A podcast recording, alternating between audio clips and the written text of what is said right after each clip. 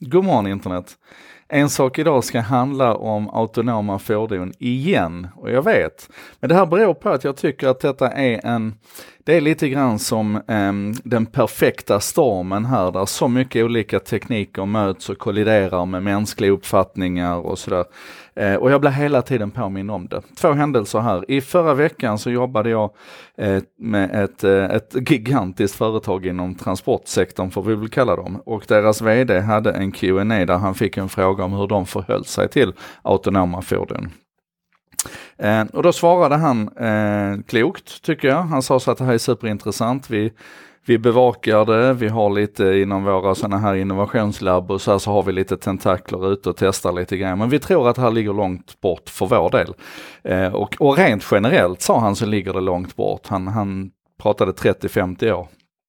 Eh, inte för att tekniken har svårt att lösa detta eller för att eh, rent så här specifikationsmässigt är säkrare än, än mänskliga eh, förare, piloter.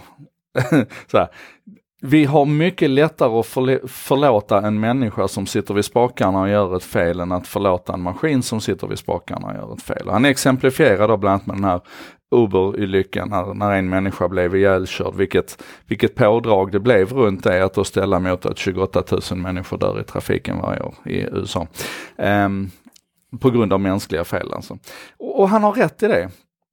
Samtidigt så undrar jag, så jag började gräva i det här då över helgen och funderade på det här ur väldigt många olika perspektiv och försökte hitta liksom forskning på vad, vad säger forskningen om liksom vår, vår eh, förmåga att förlåta en maskin eller ha överseende med en maskins misstag gentemot våra. Och det finns lite som har petat i det där men ingenting som jag tycker känns, känns klockrent. Och då blir jag så glad, eller jag blir så tacksam när det här nu i morse trillade in en artikel där man har sammanställt de investeringar som eh, Mayasoshi San, alltså eh, grundaren och ägaren av Softbank, huvudägaren i Softbank har, har gjort. Eh, han har alltså investerat, jag ska, jag ska plocka fram det direkt här, jag ska ge lite mer data om Softbank sen, men eh, Softbank har alltså investerat 60 miljarder dollar, 60 miljarder dollar i, i 40 olika företag runt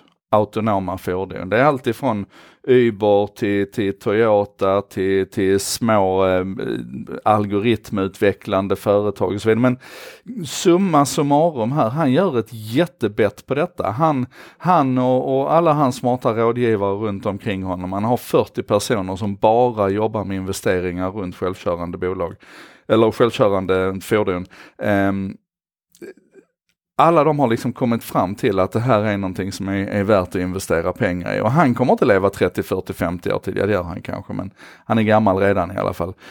Han räknar förmodligen med en, med en horisont på, på fem eller maximalt 10 år tills han ska få stor utdelning på de här investeringarna. Och då tänker jag, då måste det ju ligga någonting bakom. Jag ska bara säga, jag ska bara ge ett exempel här också på Masayoshi San och hans, hans oerhörda fingertoppskänsla. Alltså 2000 när han eh, nästan nyligen startade sin investeringsverksamhet så investerade han 20 miljoner dollar i, eh, i Alibaba som då var en liten kinesisk e-handlare bara. Idag har det blivit ett globalt företag och när de eh, börslanserades 2014 så hade hans 20 miljoner dollar vuxit till 60 miljarder dollar. Från 20 miljoner dollar till 60 miljarder dollar på 14 år. Och han har mängder, Softbank har mängder av sådana här fina, bra eh, investeringar bakom sig och förhållandevis få eh, misstag. Så att jag bara menar så här att det är klart att vi ska, att vi ska arbeta känslomässigt med detta. Vi ska känna så här att men det kommer att vara svårt för autonoma fordon att slå igenom på bred front för att vi, eh, vi är mer beredda att förlåta en människa som gör ett misstag. Yes, that makes sense. Men vi måste tänka förbi de känslorna också. Och jag ska fortsätta gräva i detta, men som sagt, han har investerat 60 miljarder dollar i 40 olika företag, alla inriktade mot autonoma fordon. Det säger oss någonting. Och det, det, det, jag tror fortfarande att det är inevitable. Vi kommer att landa där. Det kommer att bli förbjudet för människor att köra bil. Det måste hända.